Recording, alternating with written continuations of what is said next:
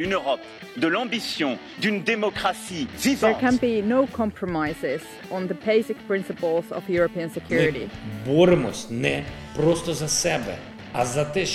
The story of how we went from centuries of war to creating these unprecedented continental democracies. Evropska četrt, četrt, četrt.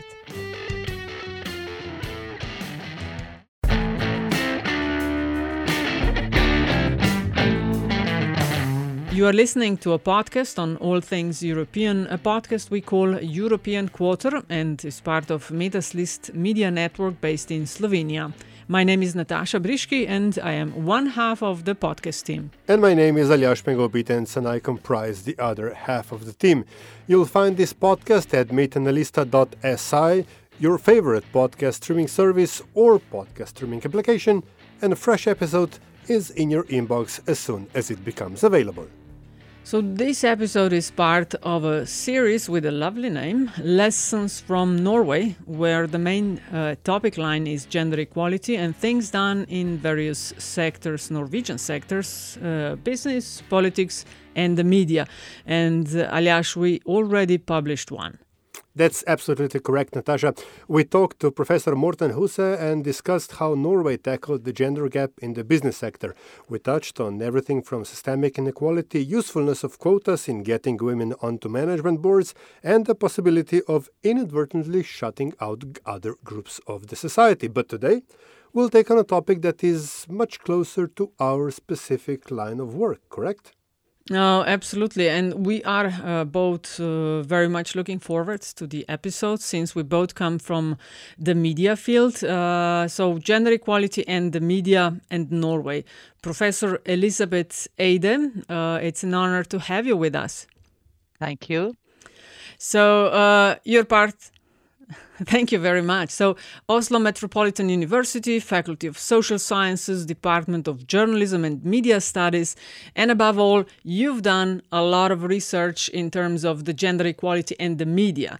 But before we do that, um, the latest World Press Freedom Index, compiled by uh, Reporters Without Borders, which evaluates uh, the press freedom situation in, uh, I think, around uh, 180 countries and uh, territories annually, uh, puts Norway on position number one, and that is the case since 2017. So for five years in a row, Norway is considered to be best, the best of the best um, of the Nordic countries and of the world. Uh, Norway is usually accompanied by Finland, Sweden, Denmark. Uh, could you, for a start, those who are not familiar uh, with that, uh, talk to us a bit about what is the so-called um, Nordic nations approach towards upholding press freedom? What would you say? Well, I'd say it's a consistent um, pressure from the uh, actors within the field, which is to say the journalist field and media field. Uh, this doesn't come easy. It has to do with uh, a long history of uh, female organizing, for example. Uh, I am old enough to at least have heard of uh, a group in Oslo which used to gather in a special cafe uh, when a time when uh, female journalists were few and far between, and uh, they uh, created a kind of sisterhood, and uh, this also amounted to becoming role models for others who wanted to join the field. So I think it has to do with the way in which females, helped by quite a bit of progressive men, who have pressurized for a bigger position within the journalistic field, actually and also a constant monitoring. I think the first monitoring in the Norwegian broadcasting took place in 1973 and was called uh, Who Speaks in the NRK. NRK is the Norwegian Public Broadcasting. And they found, of course, a lot more male voices than female voices and documented this and uh, created a debate. I've also been part of uh, such monitoring, but then uh, consisting of newspapers uh, for many years. And I think each time we publish something, it creates a debate and it leads perhaps also to some progress, although it's uh, a bit slow. We should never be, even if we're top of the list, we should never be totally content. we are here to discuss the gender equality in the media. Uh, for a start, just uh, you've been working on on this field for what two, three decades, so you have a total overview of, of what is going on, right? Nobody has a total overview, but I have okay. a kind of overview. I have a kind yeah. of overview, and yeah, it's been a couple of decades. I can say that much. It was my first research project as I uh, joined the academia after having been a journalist and uh, also a teacher in high school for quite a bit of years. Mm.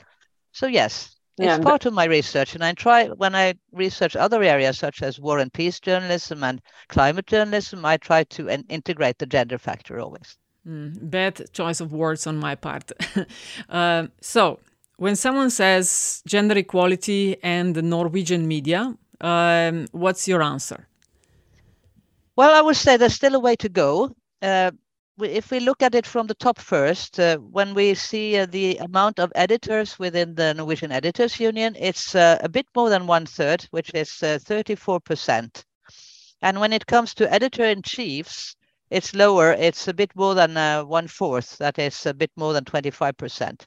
But it's very much up from 2006 when it was barely 19 versus 16% for the editors and editors in chief. So there's been progress, and this also is due to a consistent campaign for many years uh, with courses and gatherings to uh, give uh, women uh, the uh, courage to uh, look for leadership positions. And I can say that if you look at Norway in 2022, the uh, director, uh, I mean, the highest position in the Norwegian public broadcasting is a woman. The uh, editor in chief of the largest subscription paper in Norway is a woman, and also the um, editor in chief of the largest regional newspaper is a woman, and also many other important outlets. If we look at uh, the situation, let's say 10, 20 years from now, you would see uh, women leaders more emerging in the smaller newspapers, local newspapers, but now they're up there at the very much more important media than before. Uh, if we look at the rank and file of journalists, we find that uh, now 46% of the membership of the Norwegian Union of Journalists, and I have to tell you, almost all journalists are unionized in Norway in one union. Uh, and that is a big difference from, uh, for example, 1960, when only 13% were women. Now it's almost half of the uh, a little bit more than 8,000 members in our journalism education system, we have a large majority of women. Uh, more than 70% of the students that we enroll here and in other institutions around Norway are uh, girls or women. Uh, and this is a bit disproportionate to the membership in the journalist union, but I think it shows that male, uh, let's say ambitious young males, would rather go directly to the field and be recruited as in a kind of apprenticeship role or just learning on the job, while women more tend to seek solid education before entering the field. Was that an answer to your question? Yeah, absolutely. Uh, what about um, experts in the media? Hmm, yeah, there we uh, enter the global media monitoring uh, system that we've been part of uh, uh, every fifth year. And we find that it's a slow process still. Uh, it's a bit more than 20% now of female expertise, which means then almost 80% of male. This hasn't, I think it's maybe 24 or 23 now. So it has gone up some from the last counting, which was in 2015, uh, uh, the, the, the previous one, I mean, and the last one was in 2020. We're having progress there too, but it seems to me that uh, uh, there is a kind of conservatism in the uh, editorial rooms the ones that used to work before they can still be used and so there is a kind of gut feeling that yeah well this guy you know guy he um, he talks well about this and he doesn't hesitate so we'll use him uh, one of the reasons might also be that uh, female expertise are more hesitant to say yes to uh, interviews and to be treated as expertise. While it seems to me, and this uh, here I'm a bit subjective, I have to admit, but still it seems to me that perhaps male professors are more likely to be uh, comfortable with speaking out of their comfort zone. I mean, about issues that they haven't really graduated in, to put it that way. Um, One of the uh, phenomenons we've um, noticed in Slovenia in the in the media field was that, especially after the 2008 uh, financial and, and economic crash, that as the vocation of journalists of a journalist became less glamorous as uh, was even you know looked down uh, by other parts of the society that it was also becoming less paid that it was increasingly taken up by by women especially on these in these um, early uh, uh rather lower rungs of of the journalistic or media ladder so that in some way there was a increased feminization of the um, job of a journalist, but in a exploitative sense. Uh, have you noticed anything like that in Norway at all? Um, well, uh, noticed in the sense that there are more females in the editorial rooms and also on the top.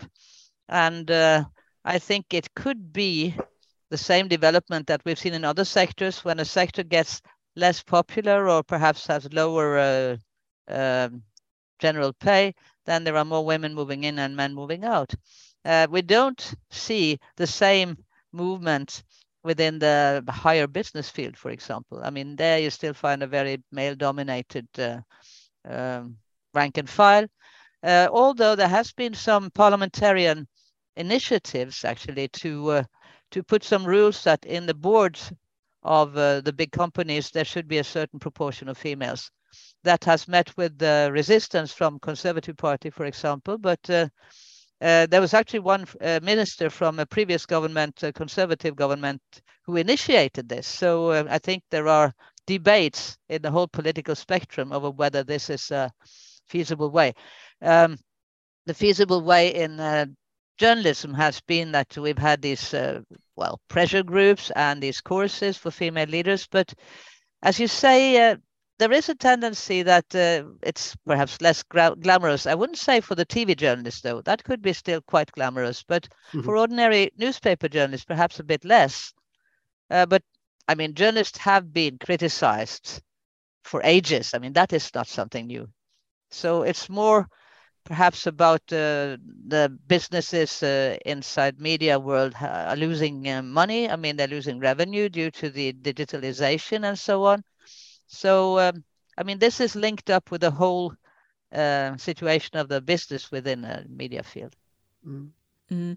Uh, as you mentioned before, uh, women are not as maybe not as confident uh, when it comes to public speaking uh, versus men. They need to really know the subject to be comfortable enough to talk about it. Um, and as you know, we as a journalists. Um, we tend to uh, go for the one who can explain in short, who is familiar with public speaking. I would also add, at least that is the case in Slovenia, uh, that uh, men are usually topping the top positions, and when you need a comment, you go for uh, you know the person who is in charge of something.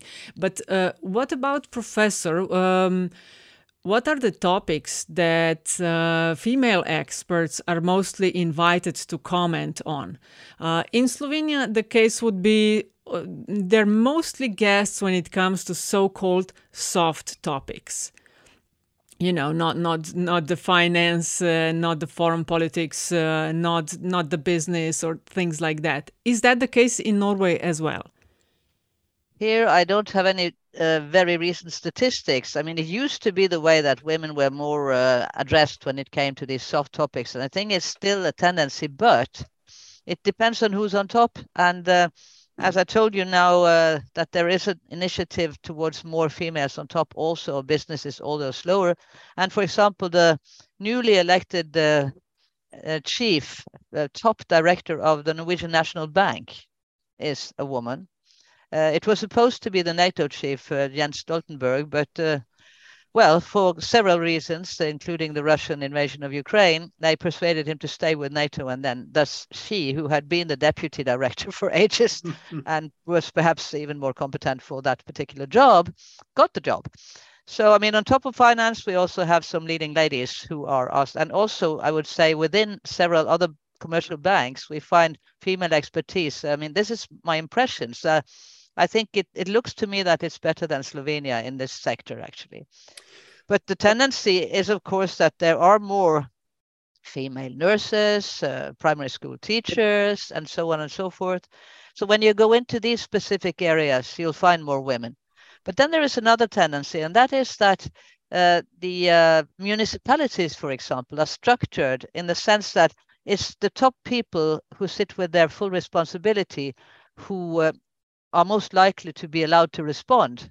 And you can't not uh, have, for example, in, in, health institutions, it's very rare that you find uh, an ordinary nurse responding, although she might be more expert on what's happening in her particular uh, department. For example, if it's uh, cancer for children or whether it's, uh, well, you know, uh, giving birth and so on. So this structure has something to say, and I think you touched upon it, Nataša, mm-hmm. saying that people on top of also municipalities, for example, the people who are the top bureaucrats, there you see a larger proportion of men still than you find, for example, in the in the parliament or in the government. Because for ages, as you might have touched upon in other podcasts, I don't know, uh, no government chief now dares to have less than, uh, let's say, 45% women in their cabinet. That hasn't happened for ages here. I think um, it might happen in other European countries like your own. You've mentioned that there is, albeit slow, an, an increase in uh, women taking top leadership positions in media editorial boards and, and, and, and decision making uh, positions uh, within the media sector. Is this in any way, I mean, or is there even data available? Uh, is this reflected in, let's say, the way or, rather the subjects media pick up to report on, on the way they report on, on, on these subjects, on, on you know, anything that would diverge from this um, entrenched male-dominated narrative that base, has been part of, of, of the media landscape, I think, throughout Europe for, for decades. Mm, it takes more, I think, than just to have one woman on top.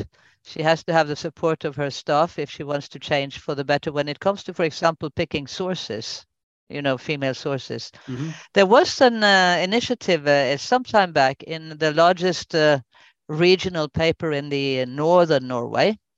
Uh, it's called northern light if i translate it to english nordlys. There was one of the uh, not the top editor in chief but one of the editors. She initiated a campaign called farewell taliban I mean, here mm. Taliban was synonymous to a very male dominated way to uh, edit a newspaper. And she said that what we see on top of the, uh, on the front page of our newspaper practically every day is a male expert with a sort of rough jacket for the bad weather. And uh, this is not how it should be. So they started counting the number of sources, both on the front page, number of female male commentator, etc., etc. And with that counting, things changed. So you don't only need to put a woman in place of a man at the top, you also need to uh, initiate some kind of uh, research within uh, the editorial room. And with that combination, it really helped in that particular newspaper. Although when they stopped counting, then things sort of went back to, well, you know, normal, which was a more disproportionate way of representing uh, females and males. So there has, I think, to be a combination of more equal recruitment to the editorial room and a constant alert.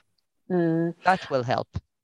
And uh, if I understand you correctly, like having women in leadership positions that not does not uh, necessarily improve representation by itself. Uh, but what does your uh, research shows what are the major components of the disparities? Are these the stereotypes, the disparities when it comes to them? Uh, are these the stereotypes about women, sexism, both, something else? Yeah, we find all of it. I mean, uh, when we did the research for the second last GMMP, we found, uh, particularly in the uh, tabloid newspapers uh, and the uh, internet newspapers, I mean, those who are only uh, digital, we found that uh, the clickbait works, and the clickbaits work with the you know, with the half naked women, works very well, mm. and so on and so forth. So, I mean, just to talk about representation without asking what kind of representation does not work either. I mean, part of the campaign has to be about stereotypes, clickbaits, and what have you. So, um, well, yes, the woman on top is not nearly enough, but it's important still mm-hmm. because mm-hmm. uh, there is another factor here, and that is that it creates uh, uh, role models for others who want to seek top positions, and that this is possible. You can also combine it with having children, by the way. So, um, well, but the stereotype uh, issue is still there, and uh, thus there needs to be also a constant critique, and we should engage, I think, uh, at the educational level more uh, within the uh, uh, auditoriums in projects where girls and boys alike are being made more aware of that, because after all most journalists today, at least in my country, they come to some kind of educational institution to learn. And uh, recent research shows that this is also very much dependent on persons who uh, sort of tend to this, attend to this. So if that slips away, then suddenly there is no teaching of this anymore. So uh, we also need to be aware of that. We were recently uh, actually asked by somebody who came from outside from Denmark and it seemed that now um, gender education within journalism studies has uh, slipped a bit away here, and we hope to get it back on track. Um, I know Nataša won't ask you that uh, because it's it's too close to to um, it hits too close to home for her, I think.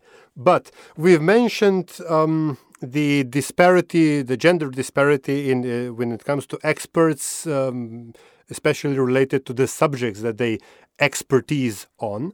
Uh, but do you have any data in terms of um, this gender imbalance being particular to some fields of journalism as opposed to others? For example, uh, are there more female journalists covering covering health and social issues as opposed to, and this is where Nataša comes in, as opposed to sports? Because Nataša was uh, an accomplished sports journalist uh, back in the day when this was I think, predominantly male dominated uh, um, subject in Slovenian media.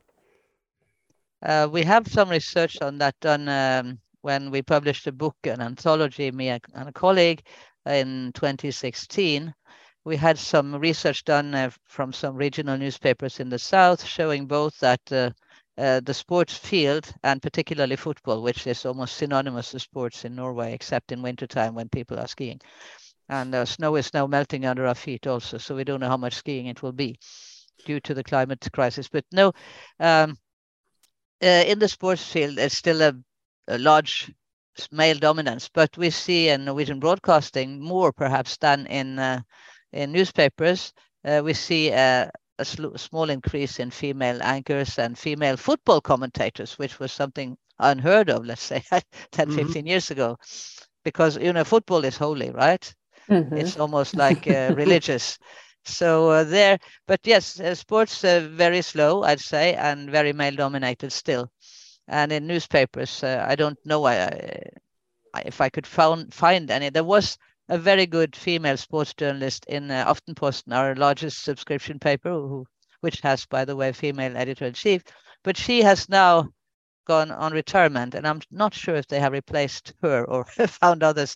So that is um, still a weak point in the Norwegian journalist field, I'd say. And uh, also, I think we've done we're doing better when it comes to foreign reporting. Actually, mm. right now we've had several female reporters in uh, Ukraine, for example, and we have correspondents, female correspondent in Istanbul. We have had uh, also in uh, in US we have one uh, out of two, and uh, in the African subcontinent there was a female now being replaced by a male. But I mean, it's more equal there, I think. And the Norwegian public broadcasting has also for a large number of years had uh, a sort of equal rights policy. So it also depends on whether a media institution actually adapts a policy or not. Mm. So I say that would be one of the reasons perhaps that the Norwegian public broadcasting are better when it comes to uh, female faces uh, within their sports programs than we see from newspapers. we also plan an episode on the gender equality and politics. And I wonder, uh, could you tell us something about uh, how does a political class in Norway behave to towards female journalists? We had a case in Slovenia uh, where, with a prime minister uh, and who was quite vulgarly uh, attacking female journalists and being penalized for that. Um, how does the Norwegian political class behave turn towards journalism and, in particular, uh, female journalists? I don't think I have much answers to that, but uh, as far as I remember now, there hasn't been any huge scandals. I mean, we had a Me Too thing, but that was more journalists uh, digging deep and finding out which politicians and which, uh, let's say, businessmen or people in the cultural field had been, let's say, both subject to Me Too attacks by mainly men, and we and also, um, I mean, the deputy leader of the Social Democratic Party had to go due to that, but that was different. It was journalists being on the sort of uh, hunting for uh, culprits who had actually violated the principle of treating women, uh, mainly younger political women then. I don't know if I've seen cases of political persons doing the same to young female journalists. There might be cases, but uh, I wouldn't be aware of those. But within the newsroom, certainly there were some cases brought up also, you know. And I think this was more uh, of a, yeah, something you could see more of uh, some decades ago when the old male leaders would sort of uh, have females flocking around them uh, and uh, yeah behaving in a way which was perhaps then uh, taken for granted but would never be accepted today you mentioned at the beginning that uh, um, even though things are improving uh, with regard to gender equality in the Nor- Norwegian media sector, there's still a ways to go.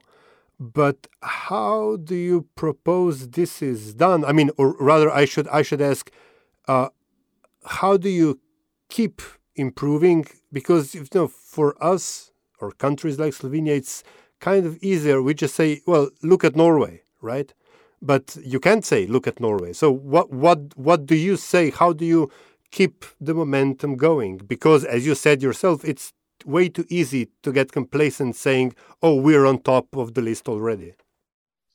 Well, if I should uh, spontaneously uh, create a couple of points for you, I would say first keep the uh, topic warm in the public sphere. I mean, mention uh, mention topics, criticize uh, when you see uh, a bad sort of, let's say, project or a bad newspaper site, bad uh, program, criticize it. And it's been done recently by the way in which two, uh, we call them pink, pink bloggers who are very, very commercial and who have now been launched as a new large podcast with the NRK, the Norwegian Public Broadcasting. That created actually a stir and a big um, issue because some people said, is this the way you reach out to the youth by showing people who have sort of uh, renovated their bodies for uh, tens of thousands of kroners and uh, are sort of commercial um, idols, but not really the average girls and